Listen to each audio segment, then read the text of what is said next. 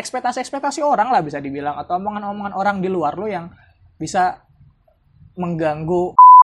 Dan juga banyaknya pilihan yang tersaji juga berarti ada tanggung jawab tanggung jawab yang harus diemban. Nah nggak semua orang itu sanggup menerima hal tersebut.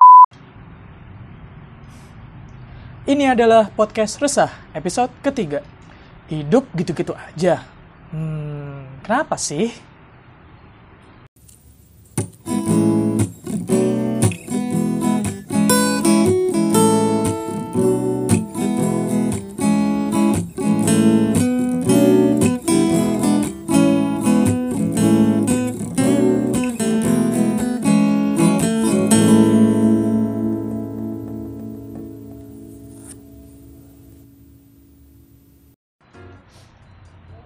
Hai, Assalamualaikum warahmatullahi wabarakatuh. Welcome back to podcast Resah, Rumpi Enak sama Amirul Huda. Yo, halo guys. Selamat datang kembali di podcast ini. Perkenalkan, nama gue Amirul Huda. Mungkin ada yang baru dengerin podcast ini di episode ketiga. Bisa main ke episode yang pertama biar tahu ini podcast apa sih. Ini yang nyarin siapa sih ini orangnya yang ngomong mulu nggak ada berhentinya capek gue dengerin bisa main aja ke episode 1 klik dengerin biar kalian tahu kalian tuh lagi dengerin apa. Dan seperti biasa gue mau nanyakan gimana kabar kalian hari ini Gue harap kalian selalu dalam keadaan yang sehat walafiat, dilancarkan rezekinya, dan dipermudah segala urusannya, serta kalian dalam keadaan yang terbaik untuk memberikan senyuman-senyuman yang bermanfaat untuk orang-orang di sekitar kalian. Mantul.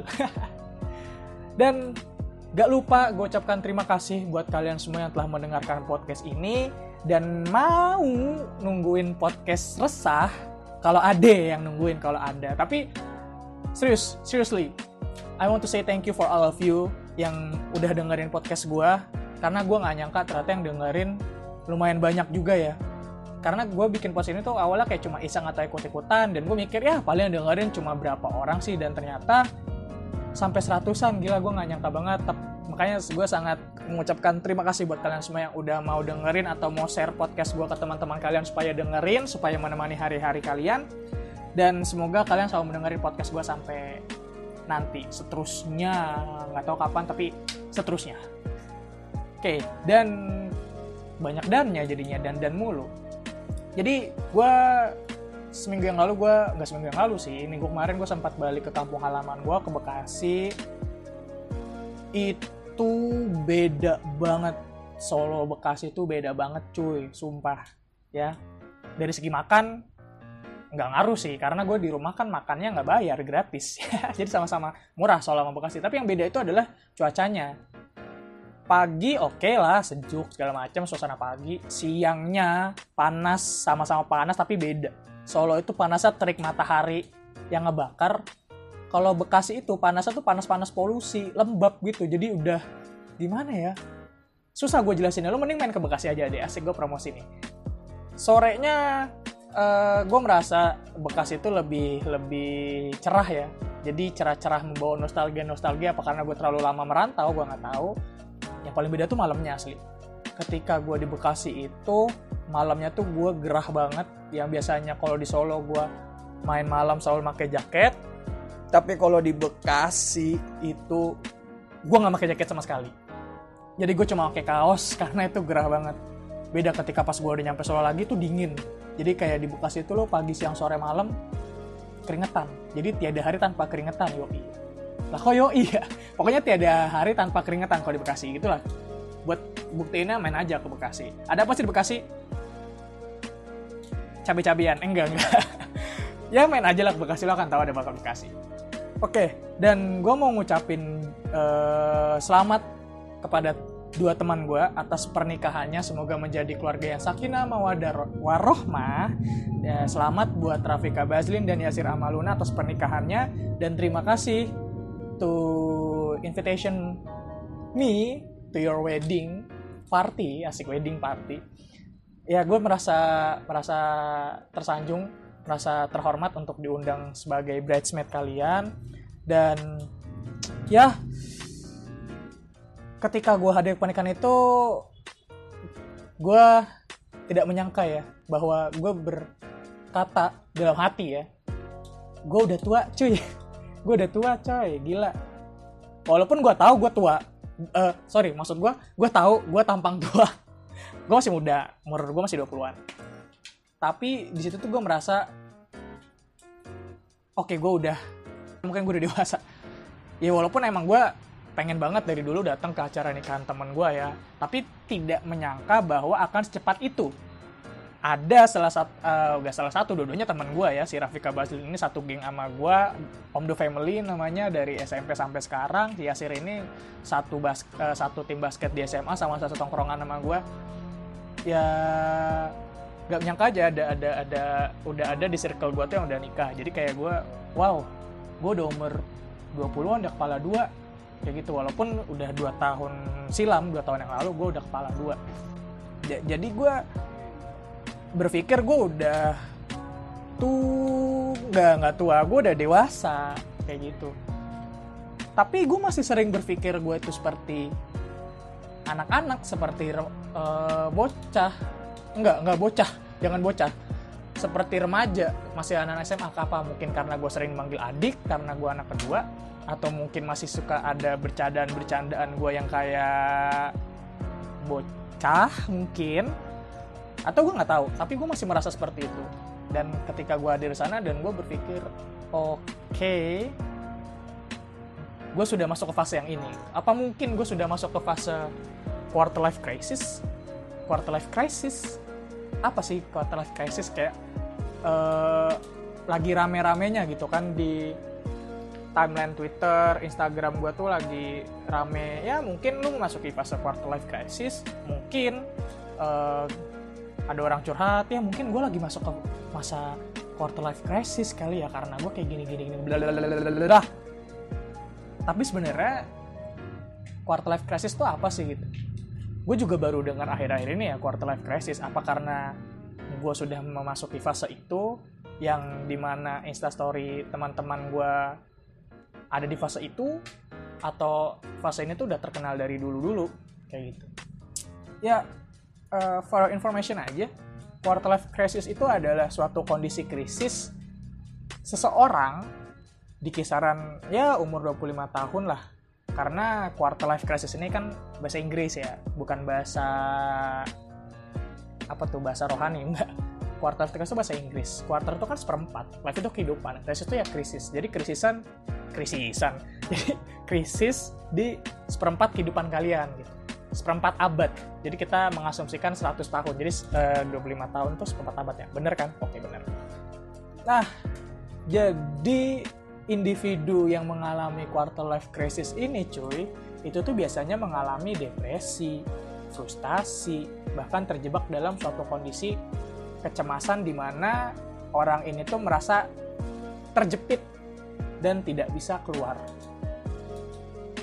Ya kayak misalkan banyak mungkin yang lu baca tweet-tweet di Twitter atau di Instagram ya orang ini terjebak dalam kondisi itu. Karena dalam kondisi itu dia merasa depresi, frustasi, maybe ya seperti hal itu.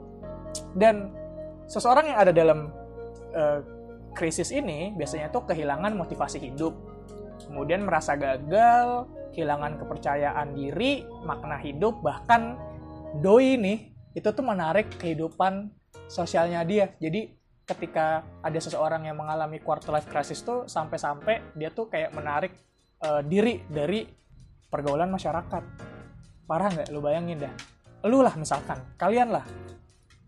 Kalian yang biasanya orangnya humble main sama orang tiba-tiba karena kalian masuk ke fase quarter life crisis kemudian kayak kalian tuh hilang ketelan bumi. Tapi emang ada kayak gitu? Ada. Banyak teman-teman tongkrongan gue yang biasanya ngumpul dan sebagainya sekarang tuh nggak ada kabarnya sama sekali. Disamperin ke rumahnya nggak bisa kontak nggak ada yang nyambung. Sempat sekali dua kali muncul tapi tuh hilang lagi. Dan ternyata ini tuh benar-benar terjadi. Kayak gitu kan. Dan apa ya hal yang paling nyata yang dirasain sama orang yang ngalamin quarter life crisis ini atau KLC ya kita singkatnya biar lebih enjoy ngomongnya biar gue takutnya otak sama lidah gue kan gak sinkron nih gue suka belepetan takutnya ada ngomongnya kayak gitu kan jadi biasanya tuh yang orang yang mengalami quarter life crisis tuh adalah merasakan kegalauan akan hidupnya yang terasa monoton. Khawatir berlebihan tentang masa depan dan menyesal serta mempertanyakan keputusan hidup yang udah diambil. Jadi kayak eh, kalian lah mungkin yang kuliah merasa salah jurusan. Apakah itu quarter life crisis? Ya kita belum tahu ya. Kita bahas di sini aja, kita rupiin kayak gitu. Dan penyebab dari krisis yang nimpa orang-orang di kisaran umur 25 tahun ini itu tuh kebanyakan kayak tuntutan sama tekanan yang berada di lingkungan dia gitu di lingkungan pribadi tentang pencapaian hidup terus seberapa banyak mimpi-mimpi yang dicapai terus juga uh, apa ya ya hal-hal yang kayak gitulah. Tapi ini tidak hanya di kisaran umur 25 tahun karena apalah arti sebuah angka ya nggak?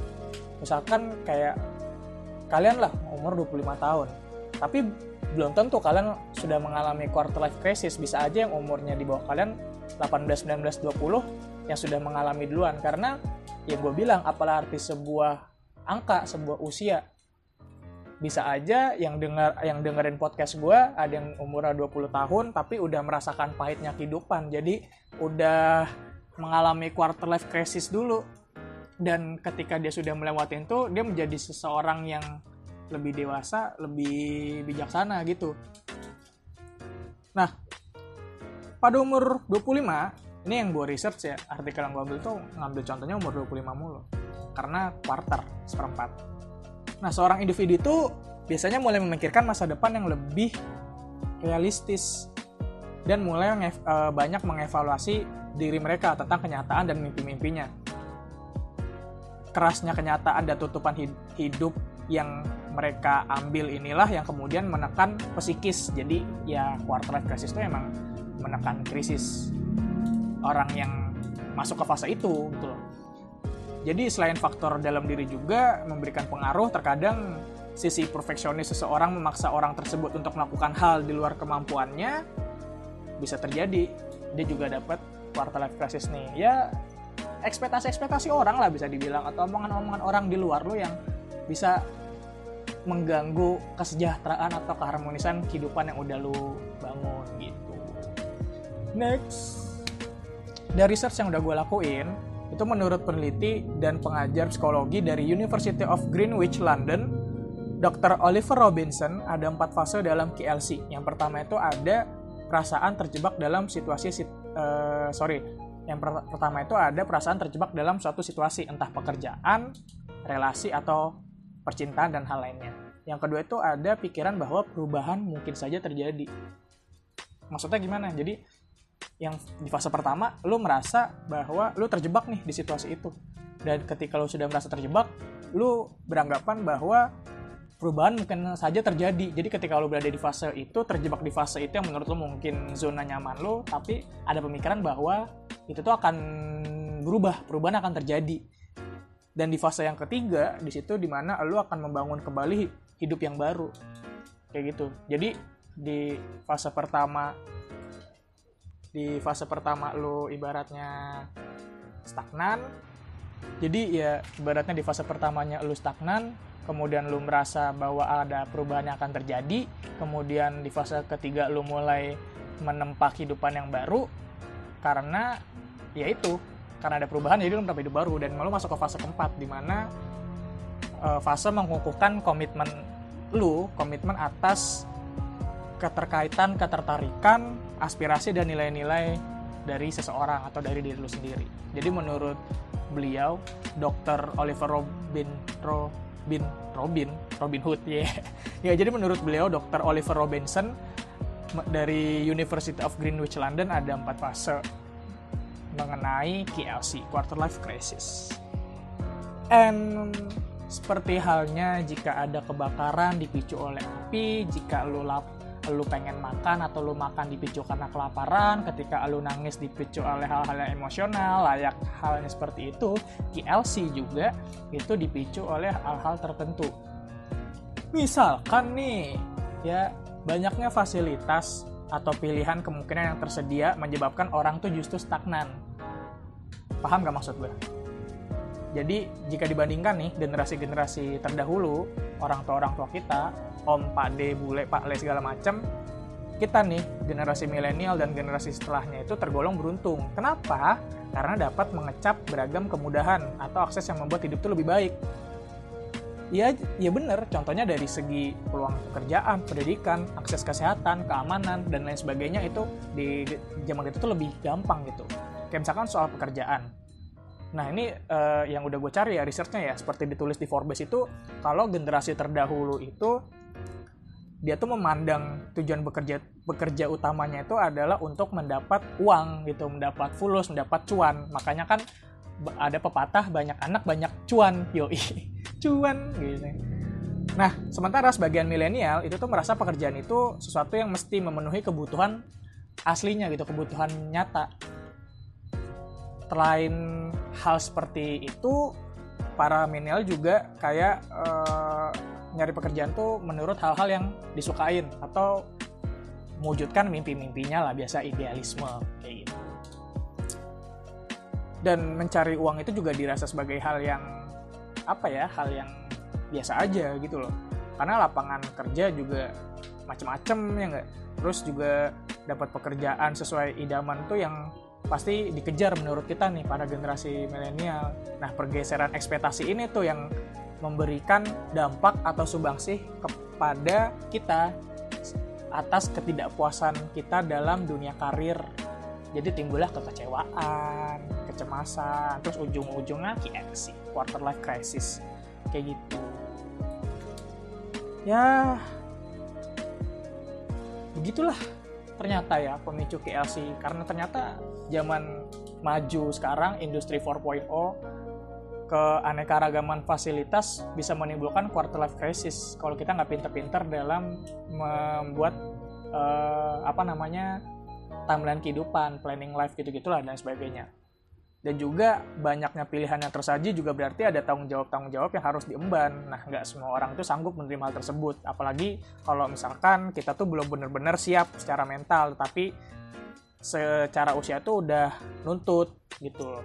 Secara usia udah dituntut di masyarakat untuk bertanggung jawab dalam hal pekerjaan dan sebagainya. Hal percintaan pun juga bisa kayak gitu. Misalkan bagi yang perempuan-perempuan udah masuk umur 26 27 mereka belum siap sebenarnya tapi dari segi usia uh, udah siap nih untuk nikah karena gitu kan umur 27 perempuan itu kayak udah udah mentok banget ya nggak sih buat nikah gitu kan. Jadi banyak biasanya orang tua orang tua atau om tante pak le bule tetangga tetangganya pasti nanya kapan nikah? Kapan nikah? gitu kan. Itu tuh jadi pemicu quarter life crisis juga ternyata.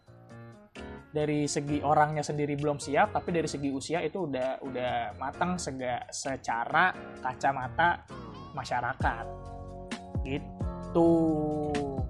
Ya jadi KLC tadi ada fasenya tuh empat fase terus ada pemicunya juga jadi nggak sembarangan orang jebul-jebul tuh jebul-jebul jebul-jebul bahasa apa anjir jadi ada, apa ada orang tuh cukup-cukup tiba-tiba Wah, gue udah umur 20-an. Aduh, gue pusing nih. Gue KLC. Enggak sama halnya kayak banyak tuh dulu zaman orang kayak gua insom gua insom padahal cuma baru mulai sampai jam 3 habis itu habis dia habis dia habis status insom dia tidur enggak enggak kayak gitu KLC nah KLC selain tadi ada fase-fasenya kemudian juga ada apa tuh pemicunya ya ada pemantik KLC-nya dan ketika gue research kemarin ternyata tuh ada tanda-tanda bagi orang-orang yang e, mengalami KLC ini, quarter life crisis ini. Itu tuh yang gue dapetin ada 9 totalnya.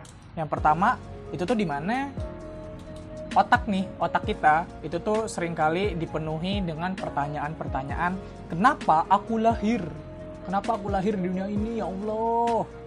Kenapa aku harus hidup di dunia ini, ya Allah? Terus suka banyak pertanyaan-pertanyaan yang muncul di otak-otak kita tuh kayak gitu dan itu adalah uh, salah satu tanda kita tuh mengalami fase quarter life crisis dan kita harus sadar itu apakah itu sebuah pemikiran yang ilegal? Apakah itu sebuah pemikiran yang radikal? Apakah itu sebuah pemikiran yang salah? Menurut gue enggak sama sekali. Karena ya itu tuh kita berpikir seperti itu karena banyak tekanan-tekanan yang kita alami. Makanya kita depresi frustasi sehingga kita dapat berpikir seperti itu.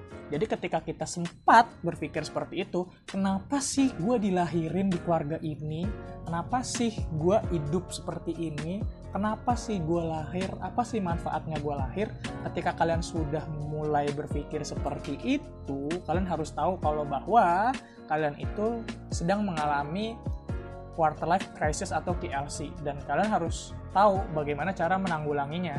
Kayak gitu. Dan kalian harus tahu bagaimana cara menyikapinya. Kayak gitu. Ya gimana cara menyikapinya? Ya mungkin nanti aja di akhir ya. Dan yang kedua terus juga kita tuh sering berpikiran kalau kita tuh belum melakukan hal-hal terbaik dalam hidup contohnya buat uh, teman-teman mahasiswa yang mungkin udah selesai titel mahasiswanya yang sekarang menjadi pengangguran gitu. Hai para pengangguran yang nggak pengangguran nggak hai yoi.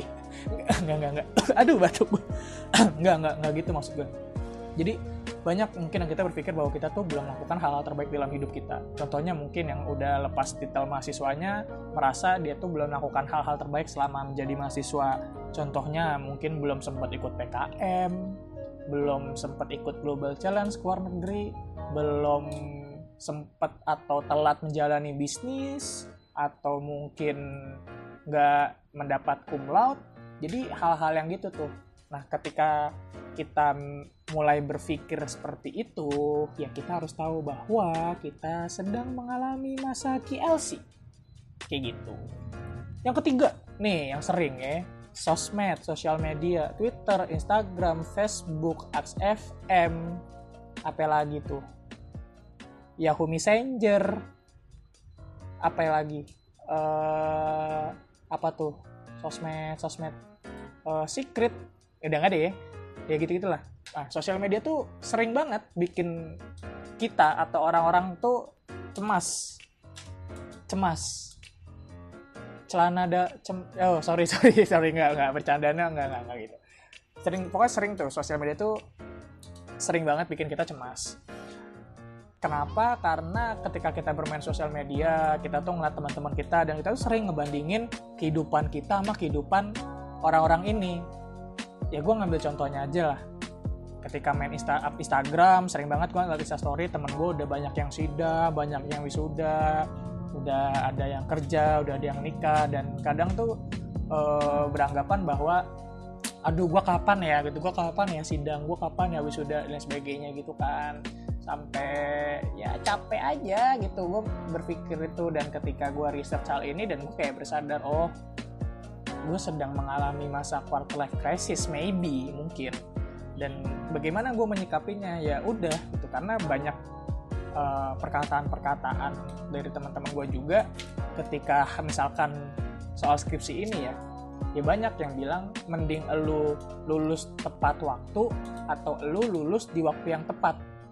Kalau dari gue pribadi mending gue lulus di waktu yang tepat. Karena belum tentu gue lulus tepat waktu 4 tahun. Tapi setelah itu gue langsung dapat pekerjaan. Setelah itu gue bisa langsung S2 atau apa gue nggak tahu kan dan ternyata banyak dari teman-teman gue yang udah kelar pun dia bingung mau ngapain masih bingung. Jadi gue uh, ya udah pada sidang udah pada wisuda ya udah itu waktunya mereka gitu timeline mereka. Gue punya timeline ada waktunya masing-masing. Gue berpikiran bahwa gue lulus di waktu yang tepat gitu ya. Semoga ketika gue lulus nanti gue bisa langsung dapat pekerjaan atau mungkin bisa langsung S2 kan gak ada yang tahu. Karena skripsi yang gue kerjakan ini adalah kepuasan gue pribadi kayak gitu. Next yang keempat. Yang keempat itu kita udah nggak bisa lagi bilang santai santai dalam artian gini ketika lu ditanyain gimana progres lu gini-gini santai? Ntar juga kelar gitu-gitu. Atau misalkan gimana pekerjaan kemarin gini santai? Kelar. Gimana bisnis lu santai? Kita udah nggak bisa ngomong kayak gitu. Karena kita merasa tertekan itu tadi. Kita merasa uh, apa ya terjepit. Jadi kita nggak bisa ngomong itu. Dari situ dan dalam kondisi itu kalian harus tahu bahwa kalian berada di fase itu. Di apa masalah KLC ini. Next kemudian buat yang cewek-cewek mungkin yang kelima nih ya yang seneng belanja ya kan? Mulai berpikir ulang tuh baju kesukaannya tuh udah nggak cocok lagi buat umur yang sekarang. Mungkin yang buat cewek-cewek yang senang baju-baju girly girly childish childish imut-imut gitu gitu merasa nggak cocok nih. Gue udah umur sekian udah umur 20-an masa pakai baju ini kayak gini terus? Atau mungkin buat yang cowok-cowok yang seneng action figure Gundam yang harga 500 ribu sampai 700 sampai jutaan pun anda mulai berpikir ulang-ulang nih mau beli Duh, gue udah umur sekian gini masa gue beli gini terus? Nah itu bisa juga sebagai tanda bahwa kalian sedang memasuki uh, quarter life crisis kalian gitu. Yang berapa tuh tadi? Kelima ya? Keempat? Kelima? Ya sekarang keenam berarti saat ngobrol sama teman nih saat ngobrol sama teman tuh kalian sering menyangkal bahwa uh, kalian itu tua gitu. Jadi kalian tuh sering menyangkal bahwa kalian itu masih muda gitu kalian masih sering memuji diri sendiri. Nah itu. Entah itu quarter life crisis entah itu kalian star syndrome itu ya 11 12 lah menurut gue lah. Yang ketujuh itu kalau di dunia pekerjaan gue nggak tahu ya karena gue belum bekerja. Mungkin yang dideng yang mendengarkan podcast gue yang sedang bekerja mungkin ini juga salah satu tandanya. Jadi ketika di dunia pekerjaan sering dilema kalian tuh mau menapaki puncak karir atau menikmati dunia kalian sekalian menikmati hidup kalian dan ya ternyata pemikiran itu benar-benar terjadi gitu. Kenapa gue bisa ngomong kayak gini? Karena ya kemarin ketika gue nongkrong banyak teman gue yang berpikiran kayak gitu. Gue mending ngejar jabatan nih ngejar karir atau gue nikmatin dulu ya mumpung gue sempat mumpung gue bisa. Dah. That's it. Itu tuh. Harus kita harus sadar. Quarter life crisis. Ke berapa tuh tadi ya satu dua tiga empat lima enam tujuh delapan. Nah ini yang ke delapan itu kita tuh beli barang-barang mahal supaya diakuin kok kita tuh sukses padahal belum. Contohnya misalkan nih iPhone 11 yang baru keluar yang menurut gue biasa aja tapi gue nggak mampu beli. Nah kalian tuh memaksakan sampai berdarah-darah atau merobek tabungan kalian tuh supaya beli iPhone itu supaya kalian diakuin sukses untuk diakuin sukses rekan kerja bos kalian atau apa tuh gue nggak ngerti. Tapi tuh why gitu kenapa gitu kalian harus sampai kayak gitu. Tapi kalau memang kalian merasa kalian mampu ya it's okay nggak masalah kalau mau beli gitu. Cuma kalau misalkan kalian masih berpikir dua kali saran gue sih jangan. Karena kita tidak akan tahu hal-hal yang terjadi ke depannya. Dan yang terakhir adalah soal asmara atau jodoh. Ini yang mungkin paling sering menjadi faktor orang apa tanda-tanda orang yang mengalami quarter life crisis ya soal asmara. Yang bisa gue bilang tadi usianya udah di kacamata masyarakat tuh udah patut tapi dia belum siap atau belum ada pasangannya kayak gitu kan. Karena kita nggak tahu kalau kayak gitu kita harus berbuat apa. Ketika orang tua kita mungkin sering mendesak kita sampai nangis-nangis ya kan. Ada teman gue juga curhat sampai orang tua itu ngomong uh, bahwa papa ini udah bau tanah gitu. Ayah nih udah bau tanah gitu. Umur ayah juga udah nggak lama lagi. Kapan kamu mau nikah? Bayangin sakit gak lu denger orang tua lu ngomong kayak gitu? Sedih nggak? Gue sih sedih banget ketika teman gue cerita kayak gitu tuh gue sedih banget. Tiap hari dia didesak kayak gitu. Maksud gue kenapa dia bisa sampai kayak gitu? Ya karena selama ini dia hidup timeline hidup dia tuh dibuat oleh orang tuanya gitu. Ngejar akademik ngejar karir sehingga dia tuh nggak nggak terbuka untuk kehidupan sosial lah gitu. Ya gue sedih banget gitu. Dia pun sampai nangis gitu curhat curhat ke gue ya kita tidak bisa menyalahkan orang tuanya dan kita juga tidak bisa menyalahkan teman kita. Karena nggak ada yang salah gitu. Emang emang bener. Ini udah saatnya dia untuk ini tapi belum siap dan orang tuanya juga nggak salah ngomong kayak gitu kayak gitu loh. Gimana cara ini ya kita mulai berkomunikasi aja gitu. Kita harus meyakinkan kalau misalkan kalian belum siap ya gimana caranya kita bisa meyakinkan orang tua kita tanpa kita menyakiti hati orang tua kita. Kayak gitu. Ya sebenarnya semua itu dikomunikasikan dengan baik lah. Insya Allah kalau misalnya dikomunikasikan dengan baik ke depannya juga enak gitu dan itu tadi 9 tanda-tanda tanda-tanda 9 ya benar tanda-tanda 9 tanda-tanda bahwa uh, kalian tuh sedang mengalami quarter life crisis. Dan ya kalau apa ya saran dan mungkin solusi dari gue mungkin kayak gini ya kalau gue berpikirnya kayak gini. Orang boleh berekspektasi sama lu orang lain boleh berekspektasi banyak terhadap diri lu tapi jangan jadiin ekspektasi orang-orang ini menjadi kriteria atau standar kehidupan lu gitu. Ekspektasi-ekspektasi orang ini atau ekspektasi mungkin orang tua kalian itu nggak menjadi standar atau perimeter kehidupan untuk bagian kalian itu kalian juga harus punya kehidupan untuk bagian kalian sendiri. Ya bener. Yang apa dokter dokter siapa itu tadi tuh? Dokter Oliver Robinson Robinson Robin Hood ya Robin Robin Robin itulah. Itu bilang bahwa ada empat fase kan ketika kalian merasa terjepit fase pertama fase keduanya ketika kalian merasakan ada perubahan ketiga ketika kalian sudah mulai untuk membangun kehidupan lagi yang keempat adalah ketika kalian sudah berkomitmen at, apa berkomitmen atas uh, apa sih namanya ketertarikan yang baru kayak gitu. Jadi ya boleh orang ekspektasi pada kalian silahkan dengerin tapi jangan jadi itu perimeter kehidupan kalian gitu. Dengerin aja buat introspeksi diri tapi kalian juga bikin perimeter kehidupan dan perimeter kebagian kalian sendiri. And so maybe that's it for episode ke berapa ya? Ketiga. Ya kalau ada salah kata dari gue kurang lebihnya gue mohon maaf.